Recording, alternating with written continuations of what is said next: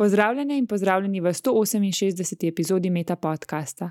Tokrat gostim glasbenico, violončelistko in doktorsko študentko Stony Brook Univerze v New Yorku, Sarah Gonder. Sarah je zadnja leta preživela v Ljubljani preko Fulbright štipendije. Pogovor je potekal v angleščini. Govoriva pa o raznolikosti slovenske glasbe in predvsem, kako je Sara eno leto dni raziskovala slovensko glasbo in tudi o razširjanju mreže poznanstev in prijateljstev pri nas. V podkastu pa boste slišali tudi kratek izsek Sarinega koncerta.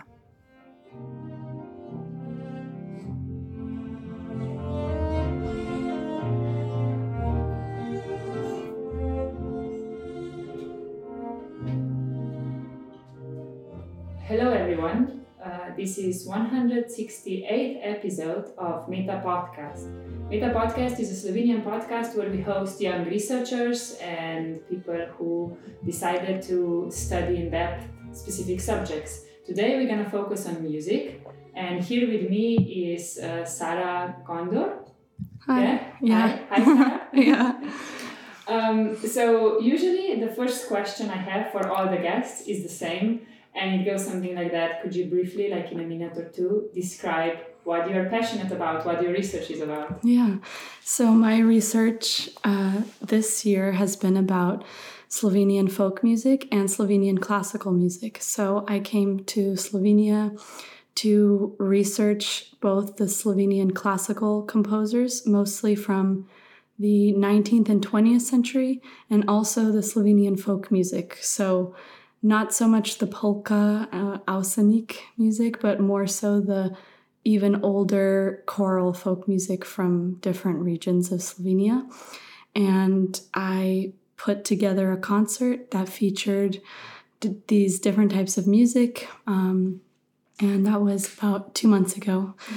Yeah. And I was interested in this because I really like looking at music from different cultures. So previously, I've also researched Middle Eastern music and how it's connected maybe to Western classical tradition and things like that. Yeah, that's super interesting. And I think it's the first time you're actually hosting somebody who is doing a doctorate in music. Wow. And you, when we first met, you corrected me uh, and, and explained me the difference between PhD and doctorate. Yeah. So could we just go into this? So you you are this part of studying in Slovenia is also part of your doctorate in music, right? Yes, Yeah. yeah. It's called a Doctorate of Musical Arts or DMA, we call it.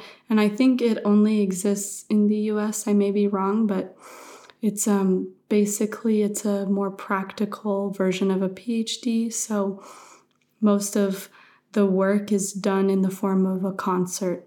So in my program, every program difference throughout it di- differs, sorry, throughout the US. Uh, but my program uh, you have to give six recitals, and each program has to be different, so no overlapping music. And one of them is a lecture recital. So Okay. And um, I visited one of your concerts. Yeah. And it was really interesting to hear. And you arranged actually some Slovenian songs for Mhm. cello, right? yes, yeah, How was that? that was a super fun experience for me. It was also new. I've never arranged or composed anything in my life. I usually just play other people's music. Mhm. So that was uh, really nice to develop that new skill of arranging and transcribing. Yeah. Okay. Okay, let's take a step back now, um, which is what usually follows in this conversation. Is how did you get to the doctorate of music? Like, what did you do before? Did you study music, cello, or Yeah, so I went to a small liberal arts college in New York for my bachelor's, and I actually did a program that was two bachelors at once, uh, which is pretty unusual, I think. Um, but I knew when I was in high school, I knew that I wanted to continue studying music, but I also am really interested in other things. So I, I didn't want to go to just a conservatory. I wanted to go and have the chance to study other subjects. So I went to this school that gave me that chance. And my second bachelor's was in math, actually. oh, really? Yeah. so I have a bachelor's in math and a bachelor of music. Oh, that's super interesting. Yeah. But, but math sometimes, a lot of times, actually, music is sort of a math. I Yes, mean- yeah, it is. There's a lot of mathematical things in music.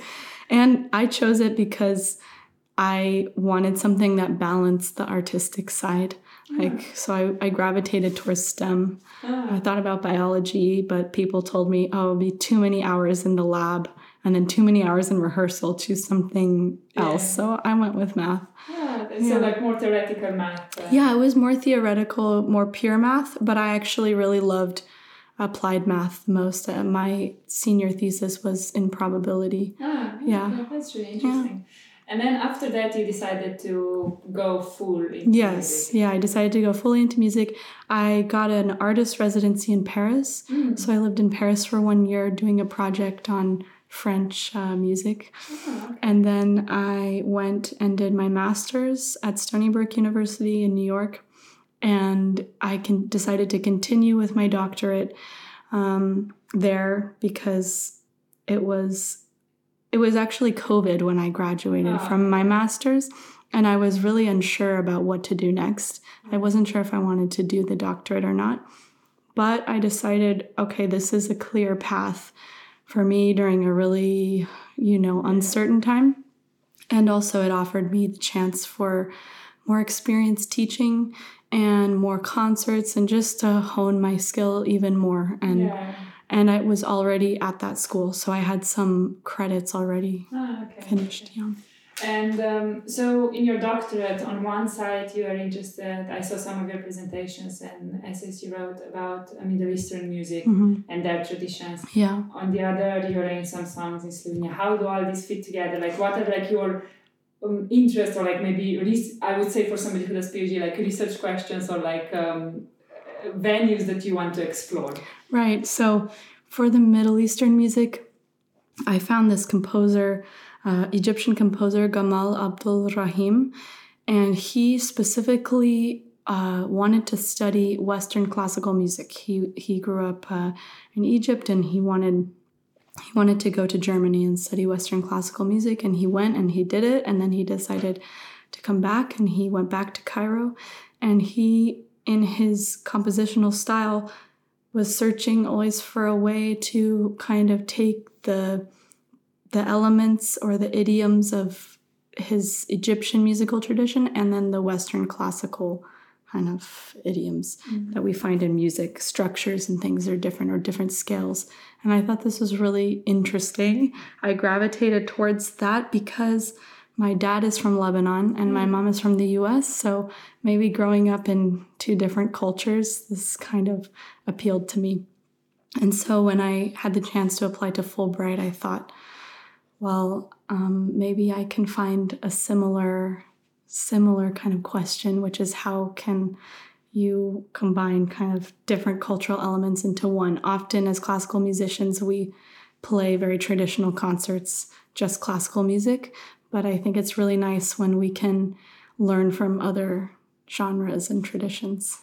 And that's how you got to Slovenia, basically. Yes. So in your application, you also like defend the, the position of where Slovenia geographically as a Yes. maybe an interesting mix of Yes. cultures. Yes, Because- exactly. Yeah. That that is how I got to Slovenia. I knew I wanted to apply to Fulbright scholarship, and I was I knew I was going to apply somewhere in Europe, um, and I didn't know where exactly. And a professor of mine at Stony Brook said, "Well, maybe you should consider the Balkan region." And uh, so I Googled the Balkans, and I know there's some debate about whether Slovenia is a Balkan country, but yeah. Uh, so I I, would say we are. I- yeah, I would say I would say so too. So I googled the Balkans and all the different countries, and I I decided on Slovenia because it seemed really interesting. That's surrounded by it kind of sits in the middle of east and west, and it's surrounded by really vastly different cultures. So I thought musically I would find something really interesting. And did you find something? Yes, I did. Yeah, yeah. I I feel that I barely scratched the surface Okay. actually. Yeah, there's so much music and each region of Slovenia it's has like completely different style. So a lot of diversity in a very Yeah, small a lot. Yeah. space, basically. Yeah. And just such beautiful music like Okay. ultimately. Yeah. So you focused on on a specific period of time for songs because you said not so contemporary. Yeah, I so for the classical pieces, I focused on more contemporary uh, music, contemporary composers, because that was mostly what I could find um, at the Slovenian Composer Society, which is just down the street from me. Mm-hmm. It's nice. And then for folk music, because because a lot of the music isn't dated, um, because it's not written down. I think that's part of the definition of folk music is that it's an oral, mostly oral tradition. Um, I can't say exactly what period of time, mm-hmm. but I focused on Prekmurje, Bela Krajina, Rezija regions, and a few others. But yeah. these were so you got the diversity yeah. the regional. And how, how do you go about it? Like, is, is this music found in like archives or on some yeah. recordings, or you go to different places and you ask people? Both, yeah, everything? all of those things. Okay. Yeah. Can you explain a little bit about yeah. your research work? Yeah. So I I really loved this. It was very personal. The research mm-hmm. was hugely personal. I couldn't sit down at my computer and find any of this. yeah. No, I I had to go to lots of concerts and hear a song I really loved and record it and then find someone, hey, do you know, play it for them? Do you know what this song is? And mm. things like that. And then also there's the Ethnomusicology Institute in Slovene. I cannot say this word, it's so long, the, the name. Yeah. Um, but it, it's just a few streets over. Yeah. And they have a huge archive of recordings, field recordings, people who went in between mostly, I think, I want to say 60s and 90s, mm. um, who went into villages and recorded people singing or playing. Mm. And um, I listened to a lot of music there. Um, I would tell them I'm interested in this region, maybe this style of music, and they would uh, give me everything they had. I would just sit there and listen and and see what I found. Yeah. And is that might be a completely naive um, uh, perception I have, but it's a lot of this music, like especially I, like, I would say Rezija, maybe also Prekmurje, I don't know, and Bela Krajina.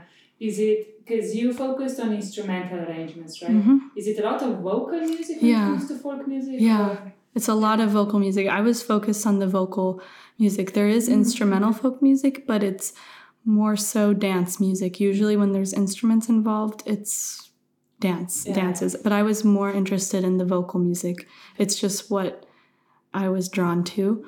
And that's why i love the cello because which is my instrument and yeah. um, it's a very vocal instrument. It's close to the voice. Oh, the range of the cello is very close to the human voice and it's you know more mellow than violin. So i yeah i thought vocal music would work well transform well for cello, cello yeah, because you arranged the songs for cello. Yeah, specifically. yeah, specifically. Yeah. What was your like? Okay, we now know that Slovenia has very diverse regions, diverse music. But what would be like if you would sum up this experience over a year when you develop a concert? What did you like find out, or what did you? Wow, that's hard. What's gonna stay with you? Hmm, I have to think about that for a yeah. second because that's a really tough question, actually.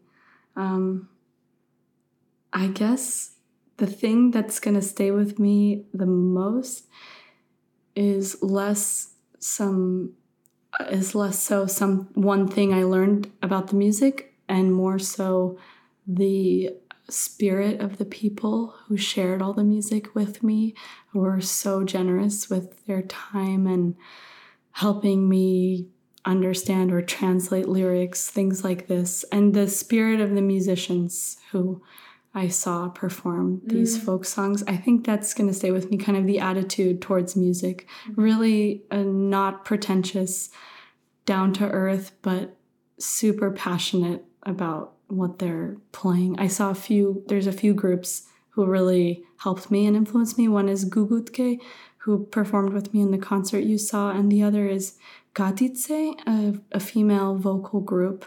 And they just yeah they just approached the music with a lot of uh, yeah, uh, soul with a lot of passion a lot of passion a lot of from love. my, my experience of the concert yes yeah. like happiness as well like this kind of yes. positive vibe exactly. Yeah that's something that's a huge thing i'll keep with me and try to hold on to. Mm. yeah. And you met did you did you know them before or you met them in slovenia i met them in slovenia yeah. yeah. i knew no one when i yeah, came here. And uh, I have a colleague in New York who actually connected me with a musician here. Mm. And he became one of my best friends and also mentor, kind of helped me uh, find, yeah, navigate the music scene and the folk music scene. And he introduced me to most of these musicians that I met. So I met them all here. Ah, okay, great. Yeah, I mean, at your concert, I know there has been quite a few people on the stage with you, Yeah. um, helping you perform, Yeah. which really made the atmosphere. It did, yeah. This was important to me to involve Slovenian musicians and So this concert, this set that you have for Slovenia, is one of your recitals for Yes, the, towards the doctor. exactly. Okay, what, what what lies ahead of you now? So that was number five out of six. Okay. So when I go back, I have my final doctoral recital, which will probably be in April, and then my final oral exam. So they will, I'll sit down with three professors and have kind of more of a conversation than an exam about the program, about my final program. Okay. And uh, the next recital is going to be classical music, or and, and the other four recitals were, were what were more The other four recitals were so let's see. Uh, one was the lecture recital, and this was on a piece for solo cello by the Egyptian composer I Ah. mentioned. Then the other three recitals, I covered throughout those three all the Beethoven cello sonatas. I worked through all of those with a colleague and a friend, a pianist. We decided to do this together to learn all five of them. So there was at least one Beethoven sonata on each of these recitals, and then a mix of other pieces, some contemporary classical works, um, some Bach. Bach suites, yeah, but more geared towards classical. Okay. Yeah. So, so I bet that uh, this break with the Slovenian folk music was quite nice in It was. to It was. And Bach. And Yeah. yeah. It was really, really, really nice change. Yeah. yeah.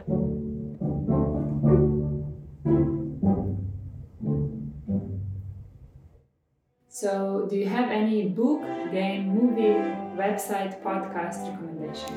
Yeah, so I chose, I couldn't choose one thing. I chose two books that are my favorite books I've read so far. One is Interpreter of Maladies by Jhumpa Lahiri. It's a collection of nine short stories, actually. Um, it won the Pulitzer Prize, and it's really beautiful stories about Indian and Indian American people and what it's like to be caught between two worlds and two cultures. And then the other book I chose is Pachinko.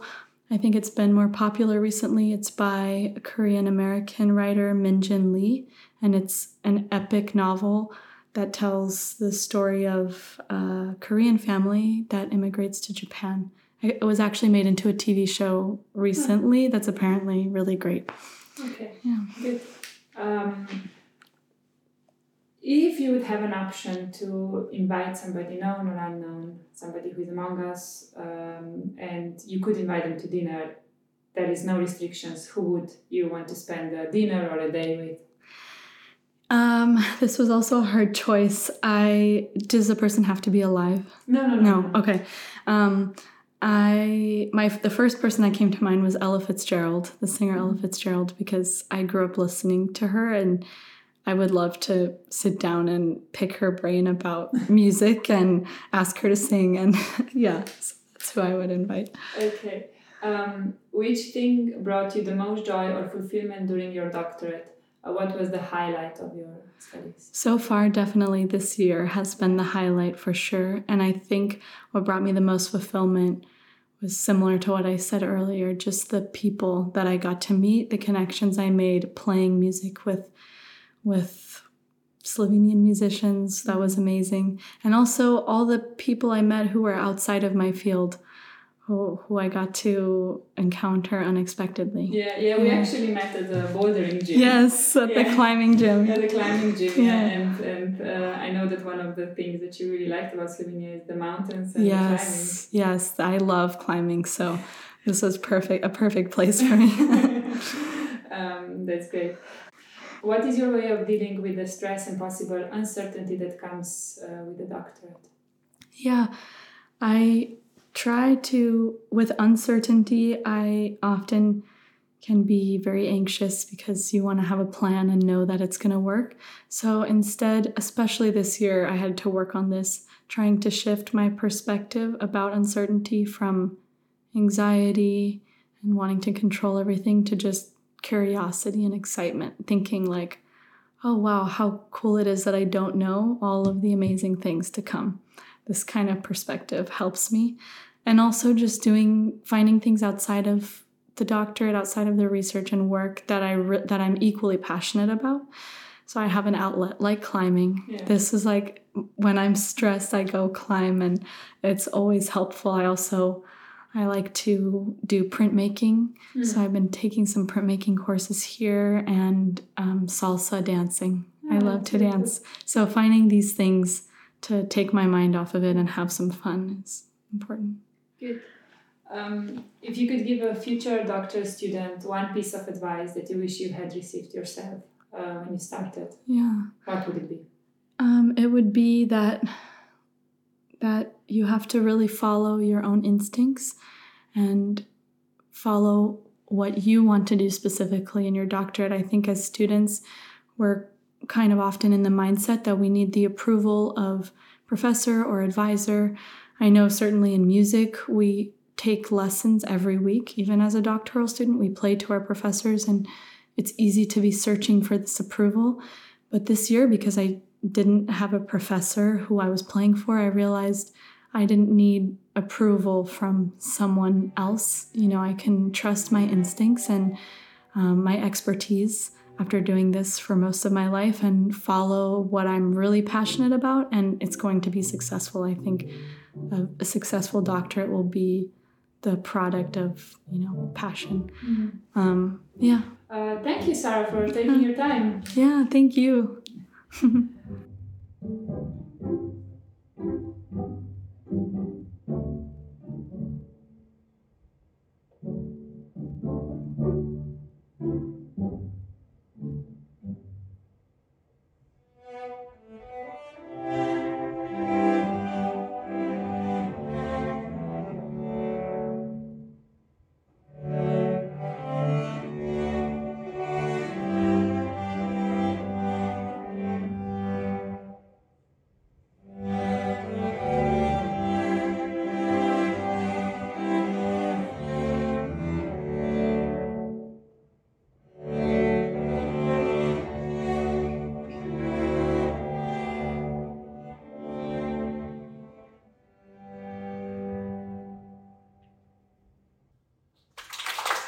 Poslušali ste Meta podcast, v katerem se pogovarjamo z mladimi znanstveniki in znanstvenicami z različnih področji znanosti.